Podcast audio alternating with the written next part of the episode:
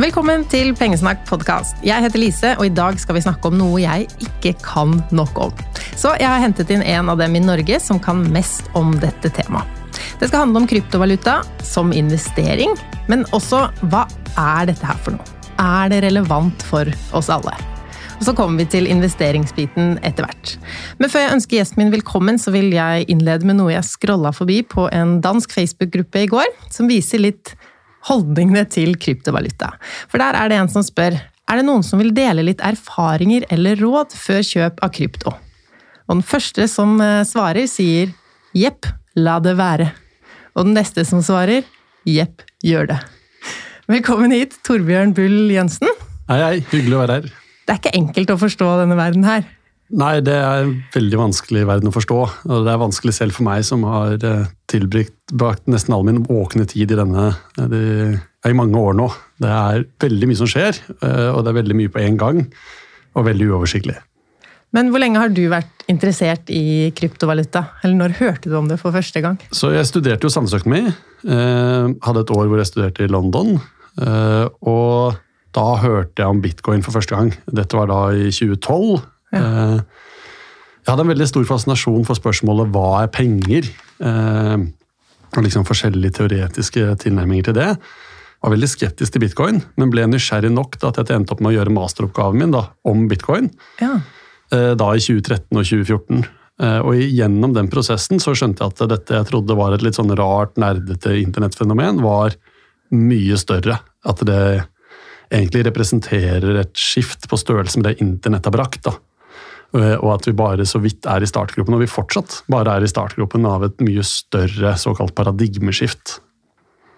Det blir spennende å snakke mer om. Du jobber med kryptovaluta nå til daglig? Det gjør jeg. Daglig leder i et selskap som heter Arcane Krypto. Eh, det vi gjør, er at vi tilbyr et bredt spekter av ulike tjenester. Vi har analyser, vi har eh, investeringsprodukter, vi har fond, og bygger opp egentlig noe som minner om en, si, en banktjeneste, nesten, eh, men for kryptovaluta, da. Ja. Så la oss ta et steg tilbake og prøve å forstå blokkjedeteknologi. For sånn jeg har skjønt det, så er det et slags arkivsystem. Altså at før så lagra vi ting i fysiske arkiver, som jo ikke er så lurt, for da kan jo ting forsvinne i brann eller eh, Jeg kan f.eks. ikke vite om mitt hus er bygd i 1935 eller 1936, for det finnes jo ikke noe papir på det lenger. Men hvis blokkjeder blir den måten vi alle arkiverer ting på i fremtiden, så hadde jo den infoen kunne hentes opp. Eh, er det riktig? Er det liksom next level mm, ja. digitalisering? Dette har jo vært narrativet som er spunnet der ute. Mm. At det, dette er en teknologiinnovasjon som heter blokkjeder. En eller annen måte å lagre ting på, sånn at det blir sikkert og verifiserbart. Men det er egentlig ikke sannheten i det hele tatt. Nei. Rent teknisk så er blokkjedeteknologi bare en logg hvor du legger til ny informasjon uten å slette den gamle, og eksisterte lenge før bitcoin. For å forstå det revolusjonerende nye, så kan det være litt nyttig å tenke på f.eks. penger. Hvis du har en hundrelapp, så har du den fysisk. Du kan oppbevare den. Du kan gi den til noen andre. Du disponerer den helt selv. Tar du med deg den når du flyr til den andre siden av verden, så har du tatt med deg de verdiene. Før kryptovaluta, før blokkjeder, før alt dette her, så var det sånn at penger enten var fysiske, og da kunne du ha den bærerinstrumentegenskapen. Du har de selv i din egen lomme. Eller så kunne de være digitale. Men med en gang penger ble digitale, så begynte de å bli en fordring på en motpart. Hvis du mm. har penger hos DNB, så er det du har, gjelden til DNB. DNB sier at de skylder deg penger. Og det gjør at du kan ikke sende de pengene direkte til den andre siden av verden. Fordi den du da skal sende til, har ikke noe kundeforhold med DNB. Kan ikke holde en gjeld på DNB. Så alle penger, alle verdiobjekter, det være seg brukeridentitet eller eierrettigheter eller, penger, var, når de kom på internett, basert på at en motpart sa at eh, det var sånn. Med kryptovaluta ble det plutselig mulig å ha pengene og verdiene helt selv, samtidig som det var digitalt. Mm. Har du en bitcoin, så er det du som disponerer den, uten at det er en annen aktør som skylder deg noe. Du kan sende den bitcoinen til USA på sekundene, og verdien er faktisk flyttet, som om du teleporterte en gullbarre. Så det helt nye er at du har fått den fysiske egenskapen med at et objekt bare kan være ett sted eh, og kan ha en entydig eier i den digitale sfære uten noe mellomledd som passer på noe register. Så det litt ironiske er at når da folk pitcher denne teknologien som egentlig en mer avansert eh, regnskapsføringsteknologi, eh, en arkiveringsteknologi, så er den på en måte nesten det motsatte. Det er mer eh, framover enn bakover. Ja, men det er nesten det at vi trenger ikke eh, å, å, arkivere dette her lenger. Du kan eie det selv. Du, en, du, du, behøver ikke å ha et arkiv over, som sier om du eier en fysisk ting eller ikke. Du eier den ved å holde den i hånden din. Vi måtte ha arkiv og regnskap for alle de digitale verdiene fram til nå. Nå kan vi eie dem selv igjen. Jeg tror det er en bedre mental modell. da. Ja, ikke sant? Kanskje litt tricky. Eh, men... men det krever litt å, å, skjønne det her. Eh, men du sammenligna det litt med internett med tanke på hvor eh, revolusjonerende dette her er. For nå er det jo ikke sånn at man nødvendigvis er en datanerd hvis man bruker åtte timer om dagen foran en skjerm. Det gjør jo veldig mange av oss. Men hvilke bransjer, eller hva er det blokkjeder og kryptovaluta skal revolusjonere? Så Det er nettopp her sammenligningen er så god, fordi det treffer vanvittig bredt. Mm. Det revolusjonerende med internett var at det var en generell infrastruktur for håndtering av informasjon, eh, og som var åpen. Det åpne gjorde at hvem som helst kunne innovere og komme opp på nye tjenester. Det var den innovasjonstakten som gjorde at internett til slutt vant fram. Vi hadde jo telefonnettverk, vi hadde TV-nettverk, vi hadde radionettverk før internett. Spesialiserte nettverk som også var lukkede. Du måtte få tilgang til en båndbredde for å få lov til å sende radio osv. Så, eh, så det var ikke det at internett brakte noe nytt når man etter hvert kunne ta telefon, radio og TV over internett. Men det brakte noe nytt ved å være helt åpent, sånn at hvem som helst kunne gjøre det. Og derfor går nå nesten alle informasjonstyper over internett. I starten så var det jo litt sånn en e-post var en dårlig versjon av faks. Du kunne ikke ha bilde. Det var mer klønete og det var vanskeligere. Og de som så det, måtte avskrive hele fenomenet, mens de som skjønte liksom hvilken eh, invasjonsmulighet som lå her, så at dette kunne bli stort. Det er litt det samme for kryptovaluta. Eh, hvis du bare ser bitcoin, og spesielt slik det var kanskje i 2017, det har skjedd mye siden da, så ser du en litt sånn klønete, vanskelig form for et digitalt spekulasjonsobjekt. Så tenker du ja, verden er nok spekulasjonsobjekter, man skal ikke noe med det. Men sannheten er den at eh, bitcoin, bitcoins blokkjede, disse åpne blokkjedene, er, eller representerer en generell infrastruktur for håndtering av digitale verdier. En åpen infrastruktur der hvem som helst skal innovere. Hvem som helst kan bygge nye applikasjoner og pønske ut uh, hva man kan bruke dette til. Og Det er den åpenheten som gjør at du får så vanvittig mye prosjekter. 99 av det kommer til å forsvinne. Men den siste prosenten er det som virkelig da kan eh, vokse frem gjennom evolusjon og skape helt nye anvendelser. Så når jeg da sier at det treffer hele samfunnet, så er det jo flere grunner til det. Det ene er at det treffer penger. Og penger treffer hele samfunnet i seg selv. Altså alle bedrifter, alle utveksler verdier mellom hverandre fra tid til annen ved bruk av penger. Og bare det alene gjør at det er liksom samfunnsomspennende. Eh, det er ikke bare for tech-selskap, det er ikke bare for finans. Det er også for en fiskeeksportør som selger til Sør-Korea og kan få raskere og billigere betaling hvis det går via en kryptovaluta f.eks. Men det stopper ikke der. Det blir måte, enda mer komplisert. Fordi du kan eie mer enn bare penger. Du kan eie brukeridentiteten din. Du kan få såkalt self-sovereign identity, hvor du ikke trenger bank-ID eller Facebook for å validere hvem du er på nett men kan kontrollere eh, dine egne data, din egen brukeridentitet. Som da kan endre helt hvordan hele internettarkitekturen er satt opp. Så det er store ting spill, på spill her. Eh, spekulasjonsaspektet er jo det som har blitt mest populært så langt. Betaling og penge eh, er det som kommer til å vokse frem som det neste, og i parallell så har man jo sett hvordan dette bl.a. har truffet underholdning og spillbransjen med såkalte NFT-er, altså denne kryptokunsten. Mm. Eh, ja, for det med bitcoin, det er jo ikke spesielt praktisk å kjøpe noe med en bitcoin. Eller ikke en bitcoin, men en del av en bitcoin. Det kommer an på hvor du skal kjøpe. da. Mm. Så Hvis du skal kjøpe noe i Norge, og er norsk, og har norsk bankkonto er, og kort, så er det ikke noe praktisk å betale med bitcoin. Men hvis du skal kjøpe noe når du er på ferie i El Salvador, som har da bitcoin som offisiell nasjonalvaluta, ja. så kan du bare skanne en QR-kode på enhver eh, McDonald's, og så betaler du med bitcoin strømløst. Hvis du skulle kjøpt La oss si du hadde en frilanser som skulle hjelpe deg med noe, eh, som jobber fra Ghana. Ja. Så skal du betale han eh, 75 kroner for eh, kvarters arbeid. Da er det enklere å gjøre med bitcoin eller en annen kryptovaluta enn noen som helst annen betalingsmåte. Ja. Eh, Så det er allerede i dag betalingsstrømmer hvor kryptovaluta er klart enklere.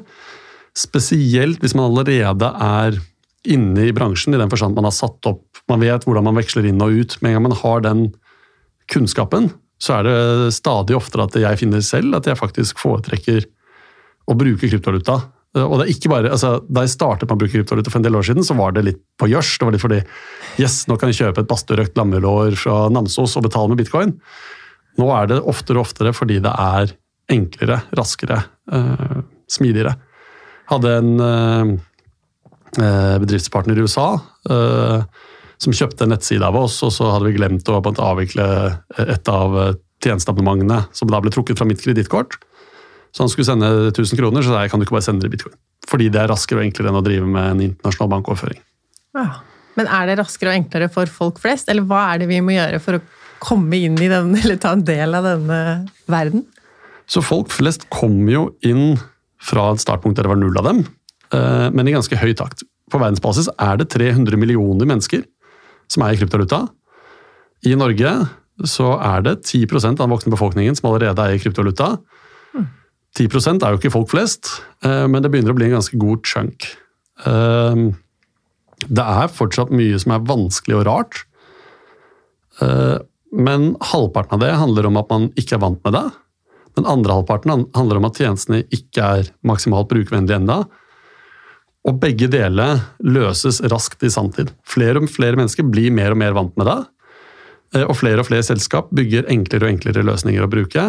Og det er nettopp den underliggende forenklingen som gjør at det er sannsynlig at vi kommer til å stå, se tiår med si, akselerert adopsjon av dette her. Fordi har vi klart å komme oss dit at 10% allerede eier det med, uh, fram til nå, hvor det har vært så vanskelig? Hvor mange flere vil ikke da komme inn når det blir lettere? Ja, ikke sant. Og jeg liker at du snakker om den praktiske bruken, for det vi hører mest om, er jo dette her som investeringsobjekter. Ja, men det er jo potensielt også en reell bruk å investere.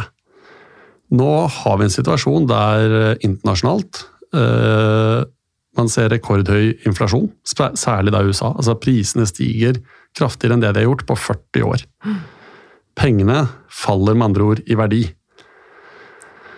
Og selv om dette av mange altså, si, henger sammen med åpenbart altså, eh, eh, si, covid, hvilke effekter det har hatt på internasjonal handel, krig i ja. Ukraina, så er også realiteten den at eh, det aldri før har vært trykket så mye penger i så høyt tempo som man gjør nå. Brorparten av dollar i omløp har blitt skapt det siste halvannet året. Ja, det er sykt å tenke Og- på. Og der har jo kryptovalutaen en helt egen Der får det jo ikke blitt inflasjon, hvis det er sånn som med bitcoin, at det er et maks antall. Ikke sant? Så i bitcoin, og Dette er en av de tingene som er, jeg mener er et reelt brukscase for bitcoin. eh, Og det er Det kan aldri eksistere mer enn 21 millioner bitcoin. Så det betyr at det kan ikke printes. Ingen myndigheter kan vedta å printe flere bitcoin. Og for mange så er det en interessant egenskap. Man ser at eh, ok, kanskje det er lurt å eie litt bitcoin eh, som en såkalt hedge, eller sikring, mot en inflasjon. Adopsjonen av bitcoin er ikke så bred i samfunnet enda at den rollen er fullbyrdet. Eh, Men man har en plausibel hypotese om at det kan skje, og man ser jo særlig at de største sånn, amerikanske investorene, som eh, er optimistiske på bitcoins kursutvikling, legger tung vekt på den knappheten. Det fins halvparten så mange bitcoins som det finnes dollarmillionærer, så de kan ikke eie en hel enhver, hvis de alle prøvde.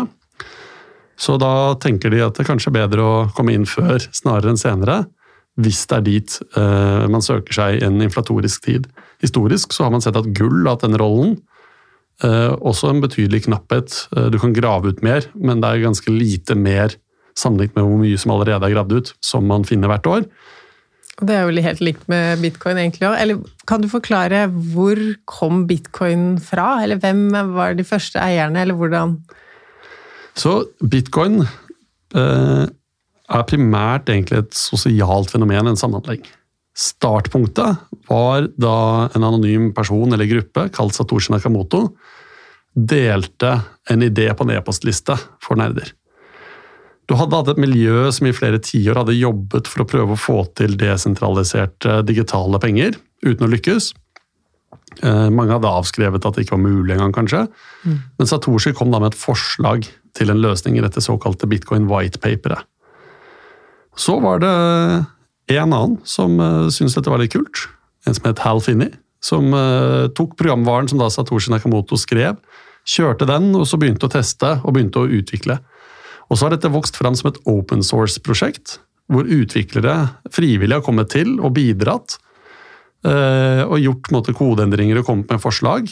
Og, og, så har de blitt enten avvist eller akseptert gjennom egentlig en sosial enighet. Mm.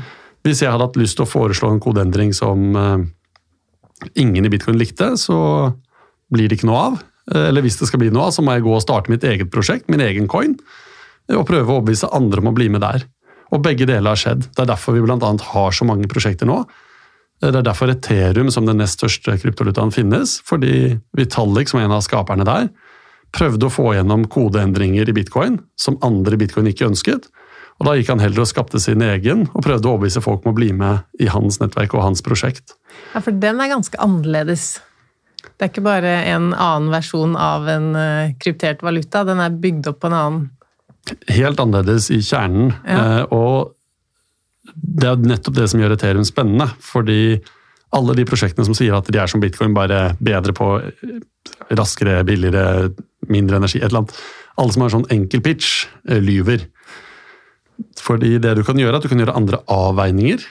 Men du kan ikke enkelt bare få bedre på alle fronter. Nei. Så Ethereum har valgt helt andre avveininger. Mye mer Eh, fleksibilitet eh, i kodespråket som gjør at du kan eh, kjøre mer interessant finansiell programmering, såkalte smartkontrakter. Altså, ting, altså, du kan lage et program for å gi banktjenester, men som kjører helt desentralisert. Men den fleksibiliteten gjør jo både at man skalerer dårligere, det er vanskeligere å få stort volum som kan gå gjennom systemet uten at det bryter sammen. Ja. Og ikke minst så skaper det skjørhet, usikkerhet. Altså det er vanskeligere å bevise at koden er trygg. Det er større fare for bug når fleksibiliteten er stor. Ja, for det er noe som heter sånn proof of Altså hvordan man verifiserer disse Ja, så for verifisering av transaksjonen og sikring av de, så er det to hovedretninger som man ofte hører om. Det er såkalt proof of work, ja. som er det mange kaller mining. Mining er veldig misvisende, fordi det utvinnes aldri noen bitcoin. Det disse datamaskinene gjør, er at de sikrer, validerer og prosesserer transaksjoner, og så får de betalt i bitcoin for den jobben. Den prosessen, særlig sikringen, er energikrevende, og det er derfor det bruker så mye strøm. Hvis det ikke hadde brukt mye strøm, så hadde det ikke vært sikkert. Fordi strømforbruket er nettopp målet på hvor mye ressurser en angriper selv må stable på bena for å kunne angripe. Så er det de som prøver å øh, finne andre ressurser du kan bruke i stedet for strøm. Eh, og da har man særlig landet på øh, bruk av likviditet, oppbinding av penger, mm. I det man da kaller proof of stake. Eh, som egentlig er at istedenfor å bygge ut datasentre som bruker strøm på å prosessere, og dermed sikre systemet, så er tanken at brukerne av systemet skal låse fast midler Eh, og på den måten binde opp likviditet, eh, risikere å tape disse midlene hvis de ikke oppfører seg ordentlig, og på den måten bli insentivert til å sikre systemet. Egentlig da ved å putte midlene sine Utsette dem for risiko, da, hvis de ikke oppfører seg. Så er det jo sånn med proof of stake at det igjen kommer med en rekke avveininger. Det er på en del akser eh, så reduserer det eh, sikkerhet. Man kan fragmentere for det. Og de systemene man har for, Det er ingen rene proof of stake-systemer der ute. Man har såkalt delegerte proof of stake-systemer, hvor du utpeker en gruppe av si f.eks. 20 enheter, som så stemmer og validerer. Eh, og det er mye det er mange utfordringer knyttet med proof of stake, spesielt hvis målet er at det skal være mest mulig desentralisert og være sikrest mulig og beviselig sikkert over lengst mulig tid. Og det er jo en grunn til at Ethereum så langt ikke har innført proof of stake, selv om det har vært et uttalt mål siden starten, nesten. Eh, så det blir spennende å se nå eh, til sommeren, eh, hvor planen er å gjøre switchen. For det vil vi lære veldig mye av om det går eller ikke. Ja. Men du var inne på det med strømforbruket. Hva koster det for kloden, det her? Og går det egentlig an å sette det opp mot dagens banksystem? Vi har jo ikke noe mål på hvor mye strøm det er. Så strømforbruket er en debatt blåst ut av proporsjoner fordi det er veldig lett å ta noe som er resultatet av at 300 millioner mennesker gjør noe på verdensbasis, og summe opp det, og få noe som er strømforbruk like stort som et helt land. Ja. Eh, og med en gang du da sier at dette er like mye som Nederland, eller noe sånt, så høres det fryktelig mye ut. Men hvis du da sier at det er 0,1% av verdens energiforbruk, ikke så mye. Det hørtes ikke så mye uh, Og det er sant, og begge tallene er sanne. Det er, ja.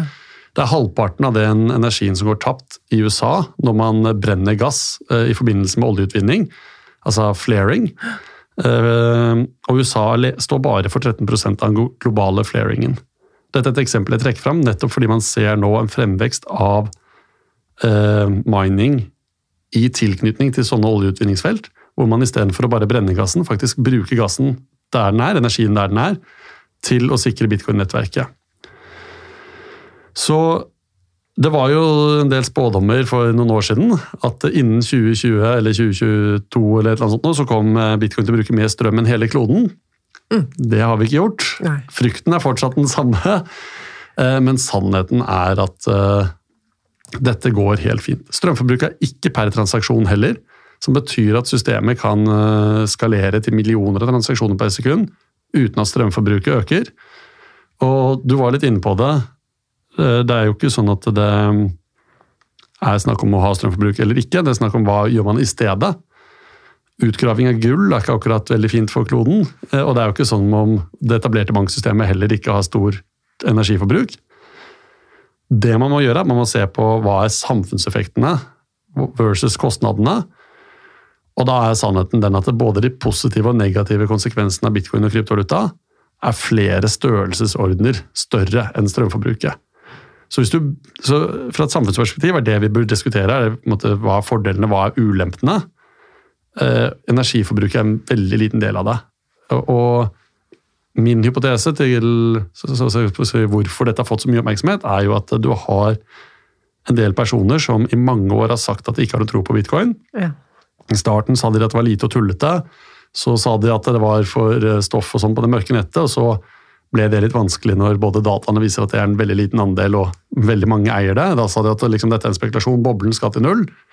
Okay, men boblen har jo kommet tilbake igjen, verdien er høyere enn noensinne. Uh, og det å da si ja, men det funker ikke, bruk for mye strøm, er den siste krykken for de som nekter å innse at dette er kommet for å bli. Mm. Det er derfor du ser pengesterke folk som freser rundt i dyre biler og flyr verden rundt, og som er kjempebekymret over CO2-avtrykket til bitcoin. Ja, det henger ikke helt sammen. Eh, men da, i hvert fall jeg, er sikkert um, altså Når man først begynte å høre om kryptovaluta, så var det ofte i sammenheng med kriminalitet og hvordan det ble sendt penger rundt for å finansiere ting som vi ikke vil ha noe av. Ja. Det, Stemmer det?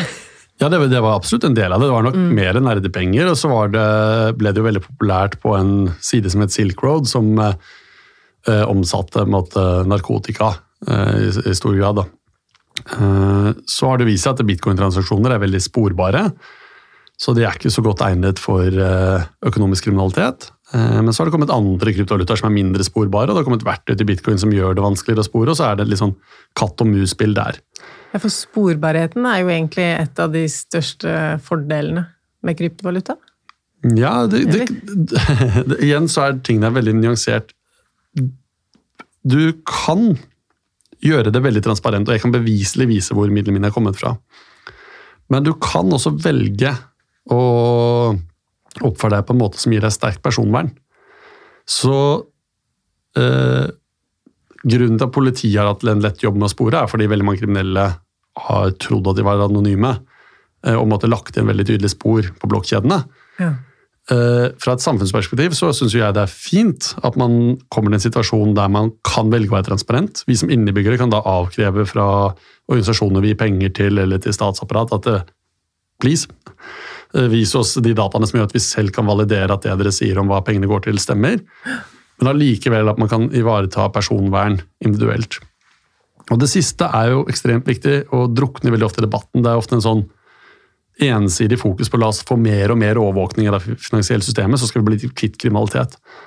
Sannheten er at vi har aldri hatt mer finansiell overvåkning, og det har null effekt eh, på et samfunnsnivå, på et makronivå, på kriminalitet. Det er jo ikke sånn at det, eh, Hvis vi fikk bare bra nok overvåkning, så hadde vi sluttet å ha et rusproblem. Å tro det er ekstremt naivt. og FN er vel eh, de som gjorde en rapport på å sjekke hvor mye stopper man egentlig av kriminell aktivitet med disse kjending, kunde, AML, altså alle disse overvåkningene, og kommer vel fram til sånn 0,2% eller noe som sitt beste estimat. Ja. Hva er da kostnaden av disse reglene? Kostnaden er at vi har da milliarder av mennesker som er finansielt ekskluderte. Verdensbanken sier at hovedgrunnen til at de er finansielt ekskluderte, er den strenge reguleringen som gjør at de ikke får bankkonto. Ikke mangel på teknologi. Vi har eh, mennesker som får midlene sine beslaglagt eh, av myndighetene eh, i, to, i, totalitære land, hvis de prøver å kjempe for demokrati. Navalny og hans kampanje og grupper rundt han i Russland har jo vært helt avhengig av kryptovaluta det siste året mm. for å kunne fortsette å finansiere sin aktivitet, og har jo si, oppmuntret alle støttespillere om å donere i kryptovaluta. Vi har folk på Vestbredden som er helt avhengig av kryptovaluta. Eh, for å kunne eh, jobbe med sin aktivitet. Og Vi så nå nylig at det ukrainske staten har rykket ut og bedt om donasjoner i kryptovaluta. Så det som er viktig å huske her, er at det, det som er uønsket for noen, kan være moralsk rett. Det kan også være moralsk galt, og være noe som er lurt at man var stoppet.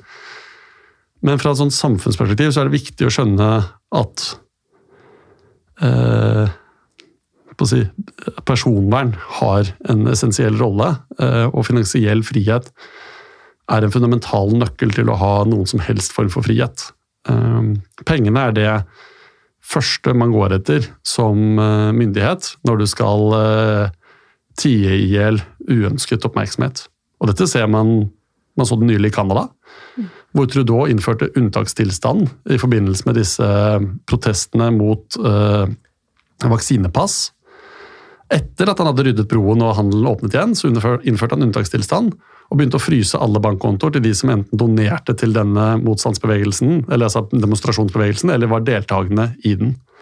Canada har aldri hatt unntakstilstand i historien før. Men så eh, i USA, det begynner å bli en del år siden, da hadde disse dronepilotene som skrev brev til Obama hvor de fortalte om denne ukulturen der man kalte det å kutte gresset eh, når barn døde som resultat av nedslagene. Og med en gang de gjorde det, så fikk de kontoene sine frosset. Hvordan skal du da finansiere advokathjelpen du trenger når du skal stå opp mot Pentagon? Det å ha ikke-sensurerbar eh, digitale penger som du kan styre selv, har også noen viktige fordeler, ikke bare for kriminelle. Men eh, Vi har jo vært inne på bitcoin, men det finnes jo så mange forskjellige coins. Og mange av dem er jo tullecoins, eller men så får de plutselig verdier også, sånn som den Dogecoin. Som, Dogecoin altså, er jo en av de minst tullete tullecoinene. Eh, Dogecoin er jo humor og, og kultur, er kunst, kall det hva du vil, da, men har liksom fått seg en kultstatus. Ja.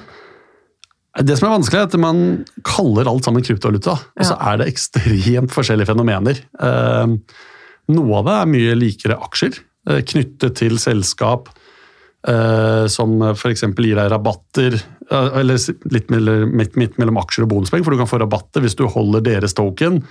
Men de bruker jeg har sett fotballag og sånn har en Ikke sant? Så da er du egentlig fotballkort.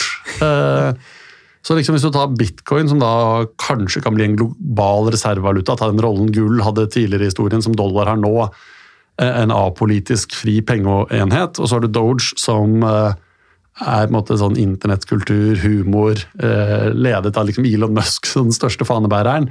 Så har du fotballkort inni dette her, og så har du token som er knyttet til dataspilluniverser. Så har du jo rene svindelprosjekter, både de som er det med vilje og ikke med vilje. Så det er en stor gryte, og det er utrolig mye som rører seg her.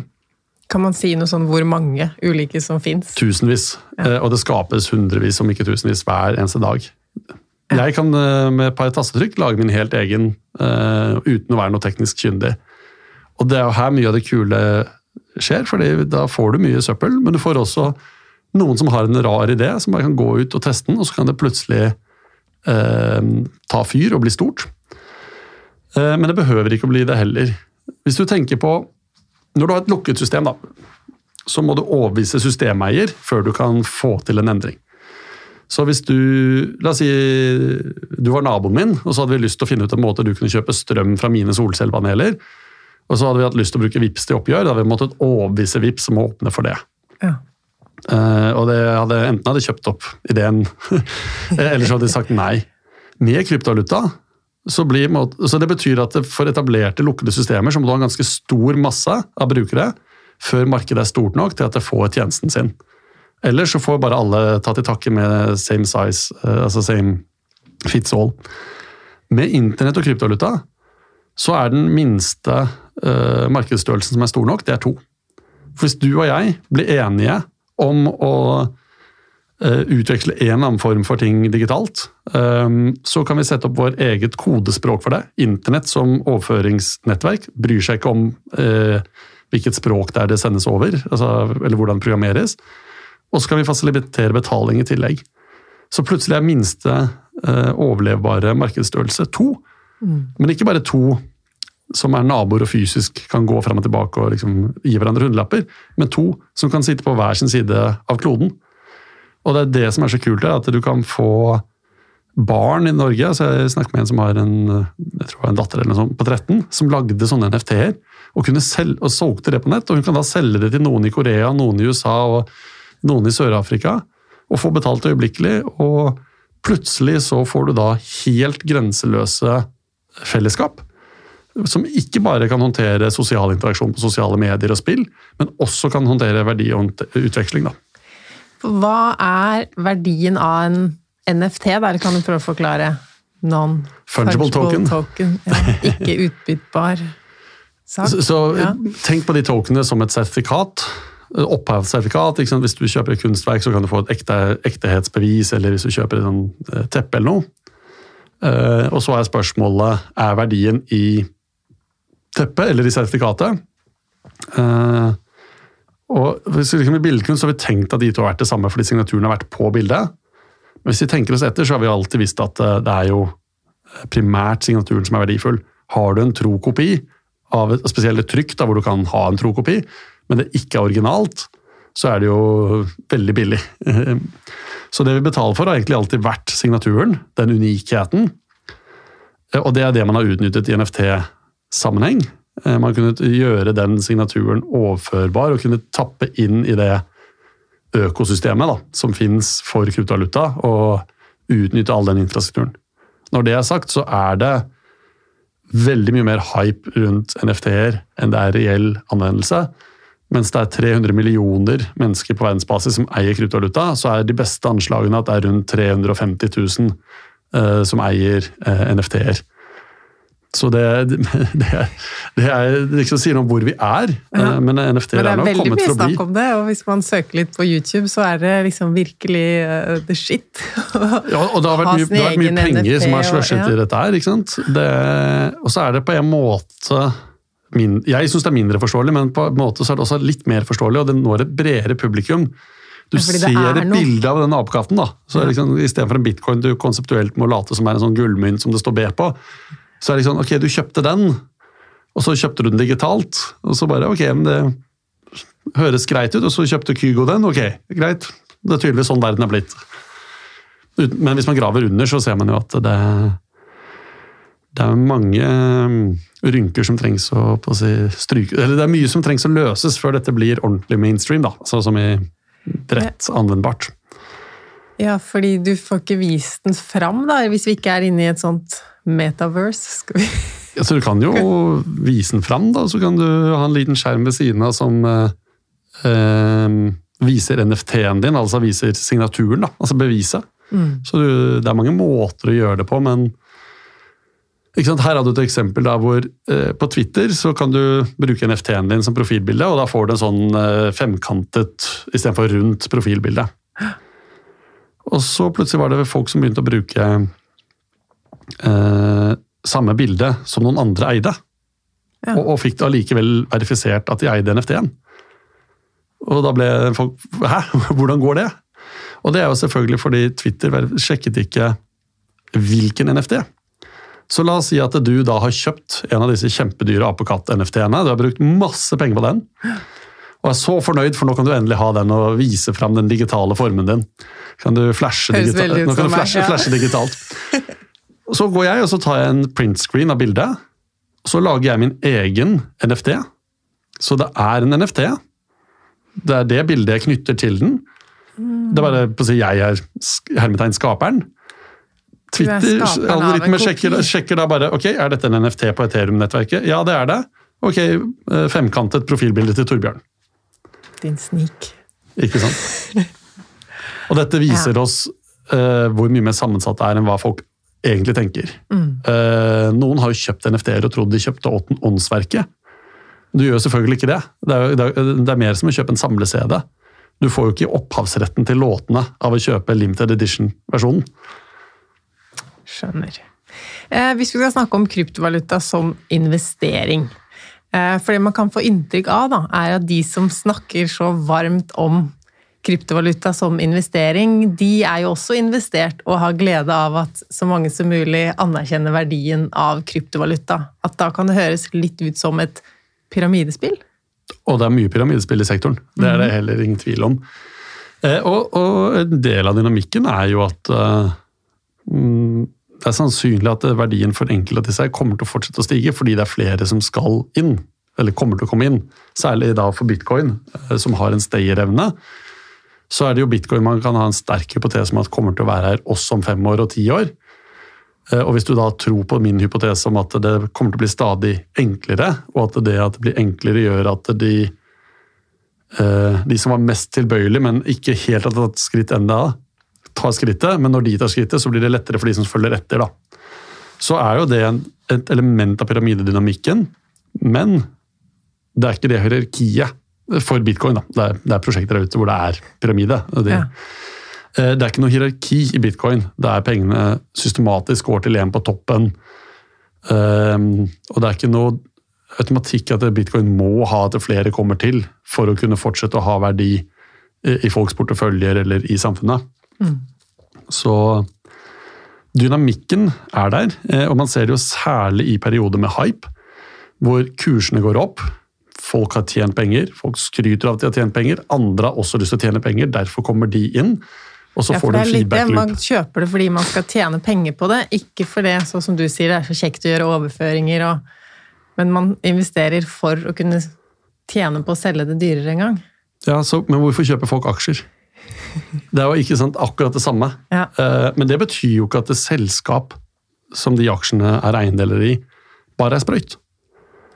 Så det at finansmarkedet har et stort element av kasino, det er jo ikke noe nytt. Men det betyr jo ikke at det underliggende næringsliv bare er tull. Og, der, og, I tillegg så er det jo sånn at det er jo fint og flott at vi i Norge eh, og USA har eh, luksusen til at vi ikke trenger anvendelsen. Og at vi kan bare bry oss om eh, leken og moro av gamblingen. Men det er jo da mennesker som bruker dette fordi de skal sende penger hjem til familie raskere og billigere enn alternativet fordi Western Union tar for stor kutt. Eh, når El Salvador innførte dette som offisiell nasjonalvaluta, så er det jo bl.a. for å gjøre emigrantoverføringer enklere til et land hvor over 70% av befolkningen ikke har bankkonto, men de har mobiltelefon. Så de brukscasene finnes også. Verdiene drives både opp og ned av spekulasjonen eh, nå. Eh, og om det er en spekulasjon på hype og greater fool, eller om det er en spekulasjon på at sentralbankene kommer til å fortsette å printe, og at standardvaluta skal ned. Eh, Der er det veldig steile fronter og uenigheter, eh, og kun tiden vil vise hvem som hadde rett. Men eh, ja. Men hvis du skal si sånn, hva er grunnen til å kjøpe kryptovaluta for folk flest? Ja, nei, så For det første så er det da viktig å ikke kjøpe, ikke kjøp kryptovaluta i bredt. Behandle dem ulikt. Ja. Jeg vil anbefale, på samme måte som man vil anbefale, Dersom man sparer, så bør man da spre sparingen sin på litt forskjellige eh, objekter. Og det vil være veldig fornuftig etter min mening å holde noe bitcoin. Og Måten du burde bygge opp den eksponeringen, er å kjøpe jevnt og trutt. Om du kjøper en gang i uken eller om du kjøper en gang i måneden, men at du, uavhengig om kursen er høy eller lav, kjøper litt og litt. Og Grunnen til at jeg kan anbefale bitcoin som sparing, er fordi bitcoin har bevist så mye overlevelse, og det er like stort som resten av sektoren. Eh, det gjør at det er mest sannsynlig kommet for å bli, som gjør at du også har det her om fem år og ti år. Det som er veldig spennende med bitcoin som eh, en del av sparingen din, er på den ene siden at det over lange tidslinjer er ukorrelert med andre eiendeler. Det betyr at eh, det er ikke sånn at det nødvendigvis går opp og ned med resten av det du eier. I det lange, på lang sikt, på kort sikt så følger du ofte aksjemarkedet nå. Men det andre er at du har eh, et realistisk scenario om at denne adopsjonen man har sett, skal kunne fortsette. Du har en vanvittig stor oppside. Bitcoin kan over de neste 5-10 årene enkelt stige ti i verdi hvis trenden fortsetter. Det kan også worst case si, holde seg helt flatt, eller til og med falle ned mot null. Ikke helt til null, for der er det for mange som kjøper før det når null. Men, det, men dine kan gå til null hvis du mister dem, eller der du oppbevarer dem, blir hacket. Men det er veldig få andre investeringer som har den asymmetriske Eh, store oppsiden, men eh, begrensede nedsiden, kombinert med eh, et drøyt tiår med byggende moment da, og en adopsjonskurve. De fleste andre investeringer der du kan få en tilsvarende sånn Det kan bli kjempemye verdt, men det kan også bli lite verdt, er mye mer binære. altså Det er noen som prøver å finne kuren mot kreft. Enten gjør de det eller ikke. De har ikke noe historikk som har måtte, bevist seg fram til nå. Det er ikke noe snøball som har moment det har bitcoin. Men ikke ta alle pengene, for det er store svingninger, og det kan være lurt å være spredt utover. Så er det andre prosjekter, og da bør man eh, si, heller se på det litt mer som enten eh, sånn som når du investerer i enkeltaksjer. Er dette et prosjekt jeg liker, ok, jeg tar et bedt i det og prøver å finne ut av hva kan verdsettelsen være. og måte, Det er mer jeg det som en investering mens bitcoin er egnet for sparing. Og så er det til slutt gambling, altså, de, altså Doge. Eh, og folk gambler jo hele tiden, altså spiller jo på fotballkamper og hva det måtte være. og Det er fullstendig lov, det. Det kan være gøy. Men da bør man også tilpasse måte, hvor mye penger man bruker på det deretter. da. Ja.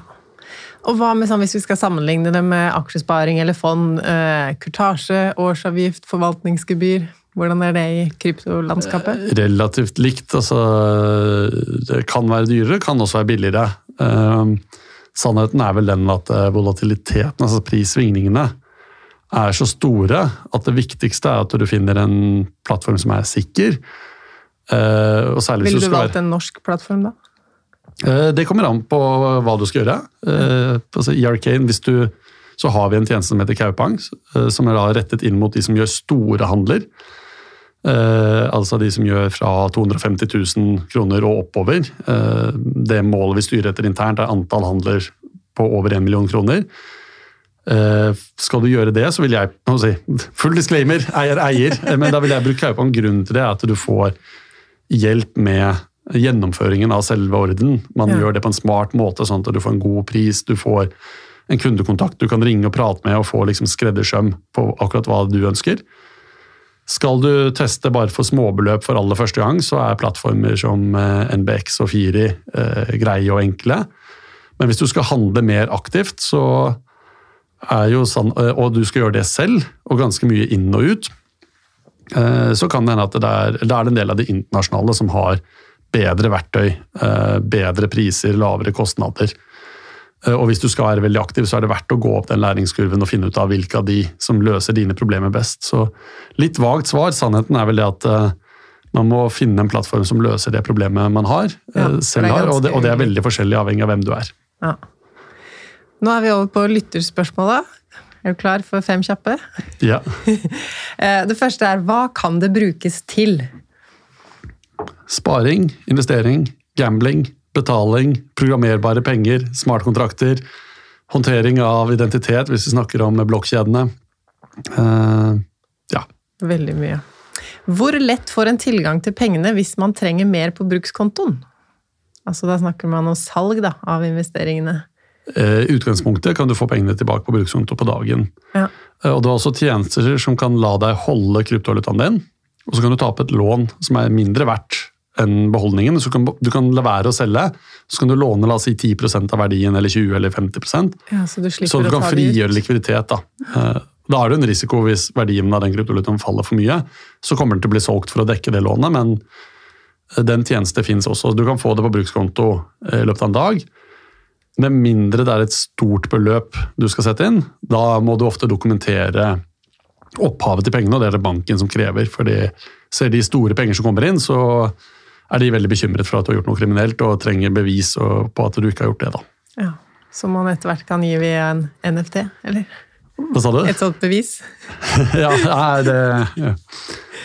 Eh, på å si det, som er, det er en annen myte her. Man tror at eh, disse systemene skal jo kunne være, gi deg veldig bra bevis, men sannheten er at det er shit in, shit out. Er, du får, et datasystem kan alle validere om dataene som ble lagt inn, var korrekte eller ikke.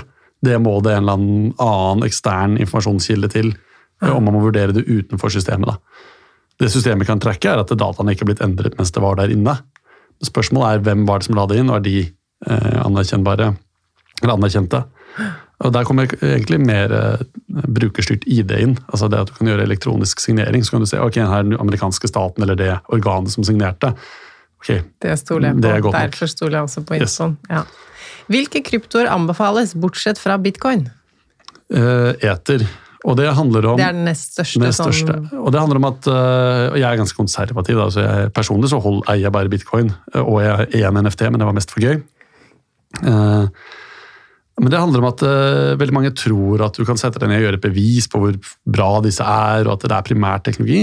Sannheten er at når det er primært nettverk, uh, så er det eneste du egentlig kan se på, er på hvor lenge har disse systemene overlevd. Hvor store har de blitt, uten å gå over ende. Det er kun den overlevelsen som virkelig gir deg en sterk indikasjon på hvor mye lengre de kommer til å fortsette å være her. Bitcoin har vært der lengst og stått seg lengst, og det er den beste beviset du har på at det kommer til å fortsette å være her. Kritikerne sier at nei, det svinger for mye og ingen som vet hva det er verdt og for vanskelig, derfor skal det til null. Tilhengerne sier ja, det eh, det er ingen som kan printe mer og det er programmerbart og grenseløst, derfor skal det til uendelig. Feilen begge gjør, er at de tror at de kan redusere det til disse førsteordensantagelsene og så konkludere. Du kan skape en hypotese, men det er kun overlevelse som kan bevise i- ja, for Det er kun overlevelse som gir meg komfort. Og der er bitcoin i en helt egen klasse. Ethereum begynner å ha vært der ganske lenge og bevist en tilsvarende sånn X-faktor, men er mye mer risikabelt. og Går du lenger ned på listen, så er det mange spennende prosjekter. eh, Men det er også mye større risiko for at det ikke finnes om fem år. Finnes det noen krypto som gjør noe som helst for å forhindre at deres valuta benyttes til betaling for og muliggjøring av menneskesmugling, narkotika, overgrep mot dyr og barn og annen alvorlig kriminalitet? Så en kryptovaluta kan ikke gjøre noe. En kryptovaluta er bare resultatet av mennesker som kjører programkode. Ja. Og det er masse prosjekter som jobber for å gjøre dette vanskeligere. Eh, Du har selskap som Chainalysis, som spesialiserer seg på blokkjedetransaksjonsanalyse. Og jobber både med kryptobørser som trenger å gjøre sånn compliance-sjekker, men også med politi og etterretning for å stoppe pengestrømmer til ulovlig aktivitet. Eh, Og de opererer på både bitcoin og, på en, og alle de andre nettverkene. Eh, Det fins helt sikkert et eller annet prosjekt, som, altså en coin som sier vi er ESG, anti, altså ESG-friendly anti-menneskehandel-coinen. Eh, Men sannheten er at eh, det er ikke noe du kan ha, putte inn i koden. Det er noe du, menneskene rundt må gjøre. Eh, Og det er ikke sånn at bitcoin er, bitcoin er ikke spesielt godt egnet for dette her. Og det er mer et spørsmål om verktøy til de vanlige organene vi har der ute. Ja. Det er liksom å spørre, er det en pengeseddel som jobber mot dette? her? Nei, men det er politimyndigheter som jobber mot det. Sant? Hvordan fører jeg opp kryptovalutaen min på skattemeldingen? Jeg er ikke skattejurist, så jeg tror ikke jeg skal svare, men det, er to ting du må oppgi. Du må oppgi hvor mye formue hadde du ved årsslutt, og Ja. da tar du antall mynter du hadde, og så ganger du opp med prisen på årsslutt i norske kroner. Og så må du oppgi hvor mye du har realisert av tap eller gevinst gjennom året. Og det kan være vanskelig, fordi alle kjøp og salg regnes som en realisasjon. Og selv med ganske få handler så kan det bli veldig uoversiktlig. Ja. Der finnes det en norsk tjeneste som heter Kryptosekken. Der har jeg ingen eierinteresser, bare, der er jeg bare en fornøyd kunde. Eh, hvor du kan, Hvis du da har handlet på en børs, så har de støtte for nesten alle børsene, så kan du bare laste opp eh, historikken fra den børsen, og så hjelper de deg å beregne, og så står det hvor du skal fylle hvilke verdier. Så smart. Eller så kan man jo også ta kontakt med en skatteadvokat hvis det er større verdier, eh, og få, som kan bruke noen timer uh, og bistå med det. Ja. Men Torbjørn, nå har jeg lært mye. Ja, jeg håper du ikke bare blir mer forvirret. Litt uh, høyere grad av forvirret, men også forstått mer av de praktiske sidene av det. Uh, og jeg er sikker på at de som hører på, sikkert har sittet med nye spørsmål, men også noen svar. Så tusen takk for at du kom hit. Veldig hyggelig å få lov til å være med. På YouTube-kanalen Pengesnakk finner du nå en video full av tips til deg som ønsker å bruke mindre penger på mat. Så da kan du bli med meg på handletur mens jeg viser deg hvilke ting jeg ser på og hvilke feller du kanskje går i på matbutikken. Jeg legger link til den i episodebeskrivelsen, så høres vi igjen neste mandag her i podkasten.